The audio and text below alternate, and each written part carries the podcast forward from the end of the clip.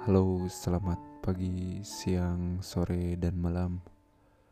Buat yang dengerin podcast gue kali ini, gue mau bercerita tentang seseorang, salah satu orang yang berjasa buat hidup gue. Dia adalah mantan gue.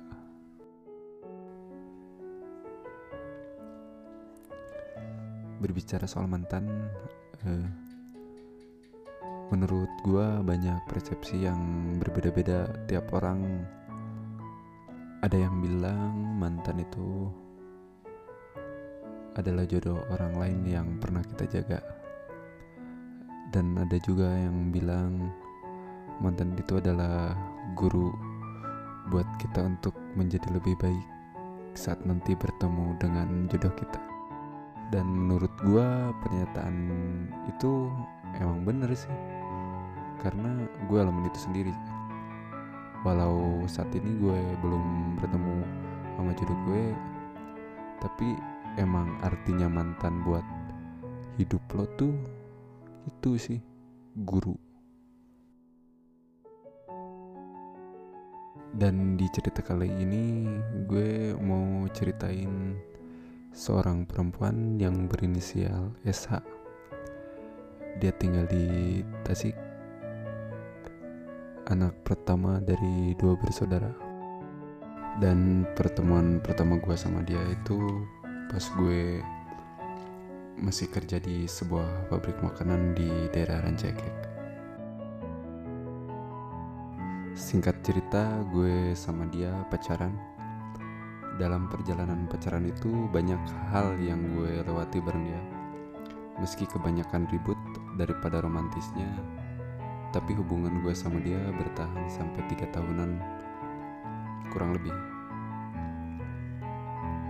Dari semua yang gue lakuin, gue akui kalau gue tidak banyak berjuang buat dia.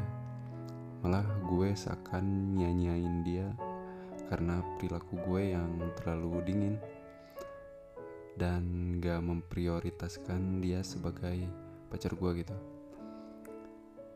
Tapi yang dia gak tahu dan dulu gue gak tunjukin juga yaitu rasa dan harapan gue ke dia bahwa sejujurnya dia orang yang paling berharga buat gue saat itu. Hingga pada suatu waktu gue sama dia LDRan karena urusan kerja di masa-masa LDRan itu gue mulai sadar begitu pentingnya kehadiran dia di samping gue namun begonya gue terus bertahan dengan sifat ego gue yang menurut gue sekarang salah. Dan sampai akhirnya karena masalah yang menurut gue kecil gue sama dia putus tanpa pernyataan kata putus Beberapa waktu setelah gue putus, gue sama dia masih intens dalam berkabar. Dan belum ada kecemasan akan perpisahan karena gue pikir akan baik-baik aja gitu dan bakalan balikan lagi seperti biasanya. Namun tiba di suatu malam, dia ngabarin gue kalau dalam waktu dekat dia mau tunangan. Gue pikir itu cuma bualan biasa agar gue lebih mementingkan dia gitu. Tapi nyatanya omongan dia itu gak bohong dan benar terjadi. Di situ gue bener-bener ngerasain perasaan yang paling aneh gue rasain antara gue seneng atau sedih. Gue gak bisa bedain itu. Rasanya campur aduk banget lah. Hal itu juga yang buat gue untuk pertama kalinya nangis yang bener-bener nangis di depan orang tua gue karena di situ gue sebagai lelaki gak bisa lakuin apa-apa buat seseorang yang bener-bener gue sayang gitu dan ninggalin gue gitu aja. Dan alasannya pun karena dia dijodohin sama keluarganya. Di situ gue gak langsung nerima penjelasan dia karena menurut gue dan kenyataannya gue sama dia saling sayang Dan setelah semua itu terjadi, gue coba ngelupain dia dengan segala cara. Namun gak satupun cara berhasil gue lakuin buat ngelupain dia.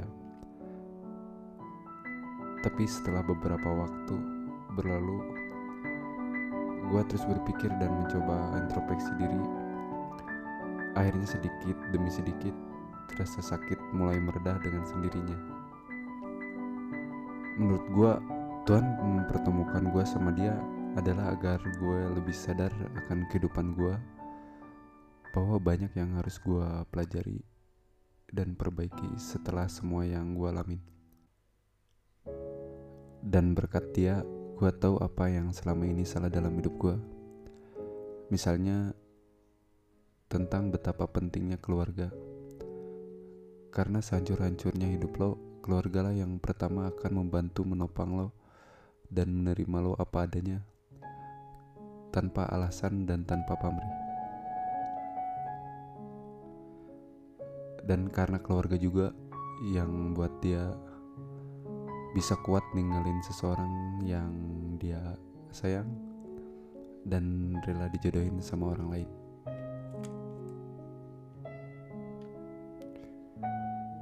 Sekian cerita mantan kali ini. Semoga ada hikmah yang bisa diambil dari cerita ini. Saya Sandi Rinjana. Terima kasih telah mendengarkan.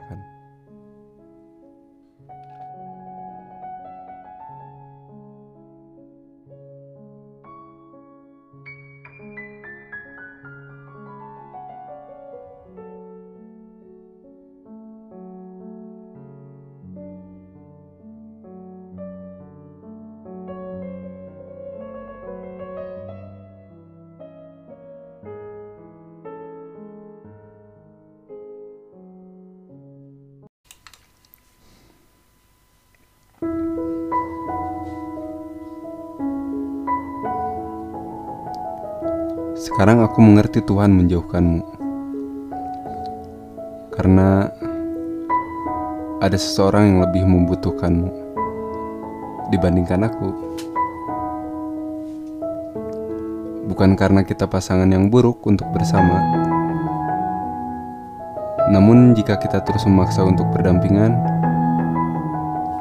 Dia yang kini lebih baik untukmu akan memburuk tanpa kehadiranmu. Mungkin ini berat untuk kita berpisah bahagia.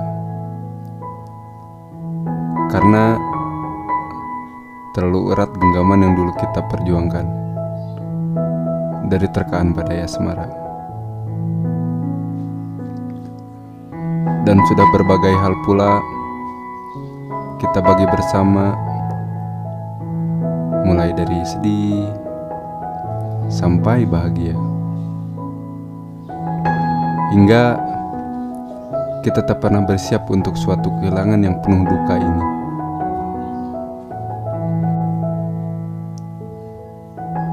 Aku akui, mungkin dulu terlalu banyak hujan yang kuturunkan untuk benih bungamu. Hingga bukannya mekar yang tercipta,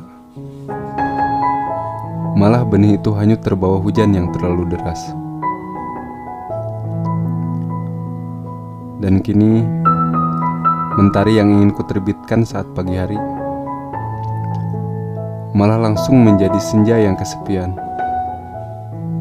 tanpa dua gelas kopi yang tertuang memandanginya.